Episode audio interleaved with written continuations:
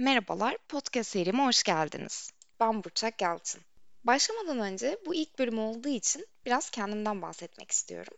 Uluslararası bir şirketin insan kaynakları departmanında HR Business Partner olarak yani insan kaynakları iş ortağı olarak çalışıyorum. Ve bulunduğum alandaki arkadaşlarımın işe alım, kariyer gelişim gibi süreçlerinde onlara destek oluyorum diyebiliriz kaba bir özet haliyle. Ama ben bu bölümleri daha fazla çektikçe ve sizler de beni daha fazla dinledikçe neler yaptığımla ilgili ve işimle ilgili daha fazla bilgiye sahip olabilirsiniz diye düşünüyorum. Gelelim for your information'a.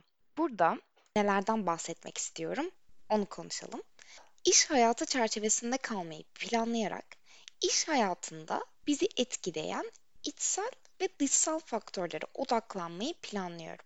Bu içsel faktörler neler? İş hayatında hissettiğimiz bazı duygular, bazı tıkanma anlarımız, bizi mutlu eden şeyler, mutsuz eden şeyler. Oralara bakmak istiyorum. Dışsal faktörlere geldiğimizde etrafımızda bulunan diğer insanlar, bizimle çalışan yöneticiler, karşılaştığımız olaylar, zorluklar, hedeflerimiz, hedeflerden şaşmalarımız, biraz daha bizim çevremizde gelişen ama bizi bir şekilde etkileyen olaylara değinmek istiyorum. Amacım herhangi bir tavsiye vermek değil. Yani bu bir kariyer gelişim podcast serisi değil. Kariyeriniz için şunu yapın, kişisel gelişiminiz için bunu yapın demek istemiyorum. Zira bence ne yapmanız gerektiğini yine en iyi siz bilirsiniz. Buradaki amacım hem kendi akademik araştırmalarımla beraber hem bir HR şapkasıyla yani bir insan kaynakları çalışanı şapkasıyla tecrübe edindiğim şeylerle hem de kendim de iş hayatında aktif olarak yer alan biri olarak kendi hislerimle, kendi yaşadıklarımla bazı tecrübelerimi paylaşmak. Böyle bir sohbet ortamı oluşturmak istiyorum. Şimdi ben iş hayatı çerçevesinde kalmayı planlıyorum dedim. Çünkü burada gittiğim bir uzmanlık yolum var ve buralardan tecrübe paylaşımının sizler için daha faydalı olacağına inandım ve böyle bir karar verdim. Ha, bu demek değil ki benim özel yaşamımdan paylaşabileceğim, sizlerle konuşabileceğim şeylerim yok. Orada da var. Ama dediğim gibi ben birazcık daha bu çerçevede kalmayı planlıyorum. Ama ne olur ileride bir fikrim yok. Şimdi ilk konumuza gelirsek bize biraz kendinizden bahseder misiniz dedim.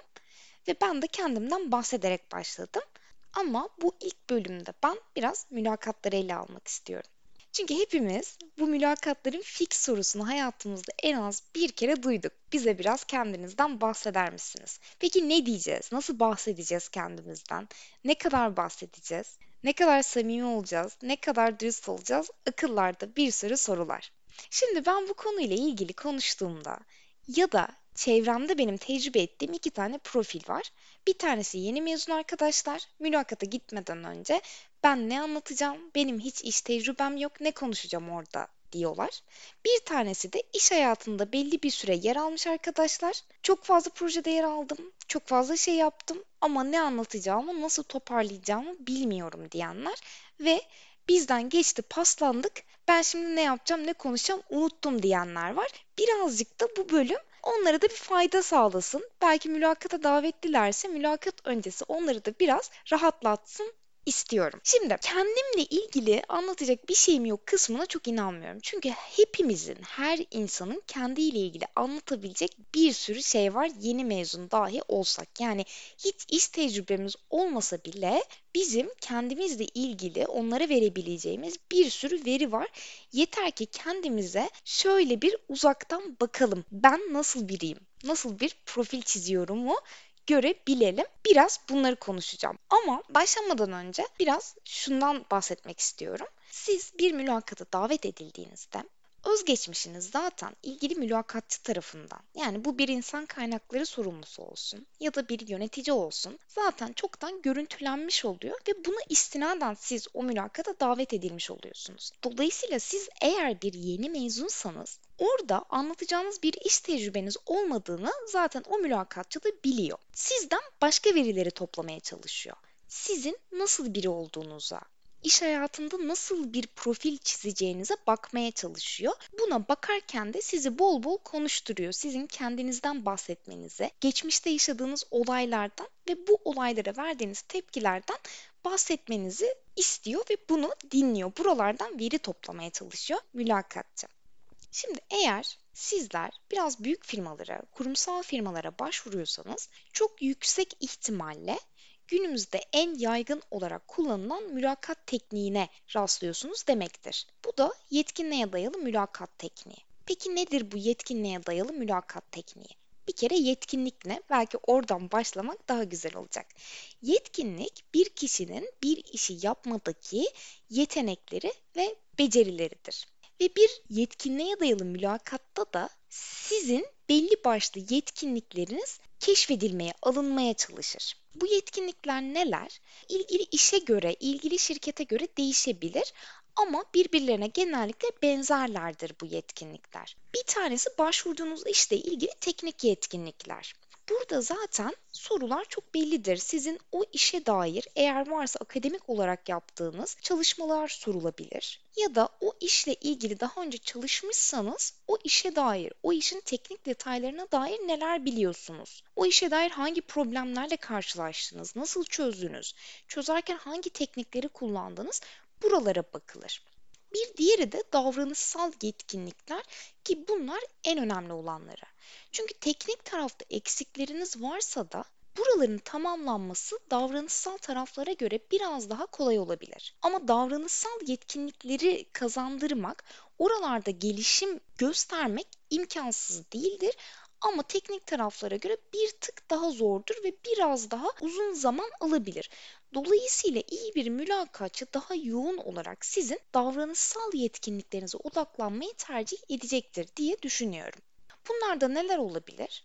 Zorluklarla nasıl baş ettiğiniz olabilir, iletişim yetkinliğiniz olabilir, işbirliği yetkinliğiniz, inisiyatif yetkinliğiniz olabilir, takım çalışmasına yatkınlığınız olabilir. Buralarla ilgili veriler toplayarak buradaki yetkinlik seviyenizi değerlendirmeye çalışabilir. Bunu da nasıl yapar? Sizin geçmişte yaşadığınız olaylara odaklanarak bakar.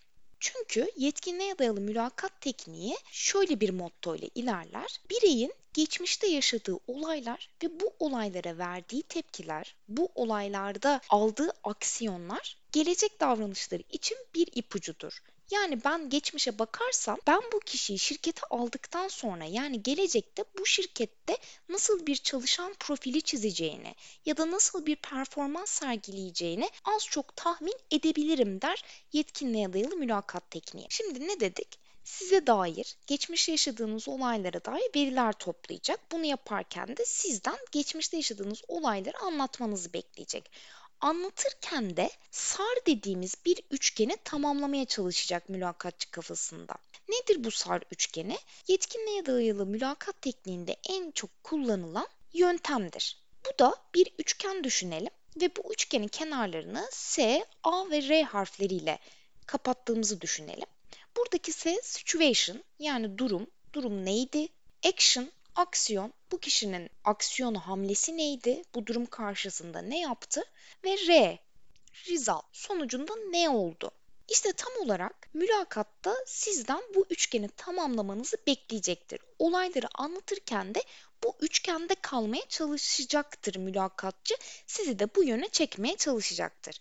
Siz kendinizden bahsederken işte kimsiniz, ne yaptınız, hangi okullara gittiniz, hangi işlerle uğraştınız, hobileriniz neler buraları bahsederken birazcık da yaşadığınız olaylara odaklanmaya çalışın. Yani sadece okula mı gittiniz? Sadece üniversite miydi? Yoksa oralarda üniversite dışında başka şeyler de mi yaptınız? okul kulüplerine üye olmuşsunuzdur, küçük küçük takımlarda liderlik yapmışsınızdır, gönüllü aktivitelere, çalışmalara katılmışsınızdır. Kendi alanınız dışında başka şeyler öğrenmeye çalışmışsınızdır. Bu bir dans öğrenmek olabilir, bir program öğrenmek olabilir, kurslara gitmişsinizdir gibi gibi. Oralarda bir ayrıntılı bakın neler yaptınız o zaman diliminde belki oralardan anlatabilecek hikayeleriniz olabilir ve bu hikayelerde ilgili mülakatçıya bazı ipuçları verebilir sizin yetkinliklerinizle ilgili. Örnek veriyorum hiç iş tecrübeniz yoktur ama okulda bir projeye dahil olmuşsunuzdur. Çok da basit bir projedir. Sınıftaki herkes beşerli gruplar halinde dağılıyordur. Çok basit bir sunum yapıyordur. Siz bunu ya çok önemli bir şey yapmadım ki nesini anlatayım normal bir okul sunumu diyorsunuzdur. Her şeyi kopyala yapıştır yapmışsınızdır. PowerPoint'ten de gidip sunacaksınızdır. Ama buradan bile kendinizle ilgili birkaç yetkinlik çıkarabilirsiniz. Örneğin o ödevi yaparken bulunduğunuz grupta bazı çatışmalar çıkmıştır ve siz o çatışmaları bastırıcı bir rol üstlenmişsinizdir. Birazcık daha ara bulucusunuzdur. İşte ekibin motivasyonunu toparlamaya çalışmışsınızdır ve sonuç olarak o sunumu başarıyla sorunsuz bir şekilde zamanında sunmuşsunuzdur. Şimdi burada kendinizle ilgili bir sürü detay fark edebilirsiniz. Doğal bir liderlik rolü üstlendiğinizi, iletişim tarafınızın çok güçlü olduğunu, takım çalışmasına çok yatkın olduğunuzu anlayabilirsiniz ve bu örnek olayla da bu yetkinliklerinizi ispat edebilirsiniz. Bunun gibi iş hayatında karşılaştığınız örnekler de olabilir. Dahil olduğunuz projelerde yaşadığınız olaylar, bir problemle karşılaştığınızda bu probleme yaklaşım şekliniz, bu problemde oynadığınız rol ve bu problemin nasıl sonuçlandığı. Belki bu problem çözüldü, çözülemedi ama siz buradan çok önemli kazanımlar elde ettiniz. Belki bir daha bu problemin çıkmaması adına ne yapmanız gerektiğini öğrendiniz ve uyguladınız. Bunların her biri üçgeni tamamladığınızı gösterir. Yani illa üçgeni tamamlamak için bir projeyi, bir konuyu başarıyla çözmüş olmanız gerekmiyor. Oradan bir çıkarım almanız kendinize dair ya da yaşadığınız probleme dair bir edinim vermeniz çok önemli. O zaman bu üçgeni zaten tamamlamış olursunuz ve mülakatçı tarafından da üçgen tamamlanmış olur. Sizi daha fazla köşeyi sıkıştıracak detay sorular gelmez buradan. Başka bir konuya odaklanılır. Başka bir yetkinliğiniz ortaya çıkarılmaya çalışılır. Şimdi siz bu gözle baktığınızda yaşadığınız olaylara eminim kendinizle ilgili daha fazla şey fark edeceksiniz. Daha fazla yetkinlik. Yeter ki burada üçüncü bir göz olup kendinize bakabilin. Yani ben nasıl biriyim? İş hayatında nasıl bir profil çiziyorum ve bunu da nereden biliyorum? Çünkü geçmişte şu şu olaylara dahil oldum, şöyle olaylarla karşılaştım, şöyle bir rol üstlendim, şunu yaptım. Hmm, demek ki bunlar benim yetkinliklerim, benim güçlü olduğum taraflar. Öğrenmeye açık birisinizdir, sürekli yeni bir şeyler öğreniyorsunuzdur. Bu illa başvurduğunuz pozisyonla ilgili olmayabilir ama bu da bize bir ipucu verebilir. Yani sizin ne kadar istediğiniz, motivasyonunuz yüksek olan bir şeye karşı ne kadar öğrenmeye aç olduğunuz, çeşitli kaynaklardan öğrenebildiğiniz, dolayısıyla o şirkette de o işe başladığınızda o işle ilgili birçok detayı öğrenebileceğiniz, kolayca öğrenebileceğiniz, üzerine gidebileceğiniz anlaşılabilir. Ve bir mülakatçı için de aslında pozitif bir etki yaratmış olursunuz o mülakatta. Diyelim ve şimdilik bu bölümü burada sonlandıralım. Önümüzdeki bölümde yine mülakatlarla devam etmek istiyorum. Çünkü önemli bir konu ve size fayda sağlamasını umuyorum. Bu bölüm burada bitsin. For your information arkadaşlar.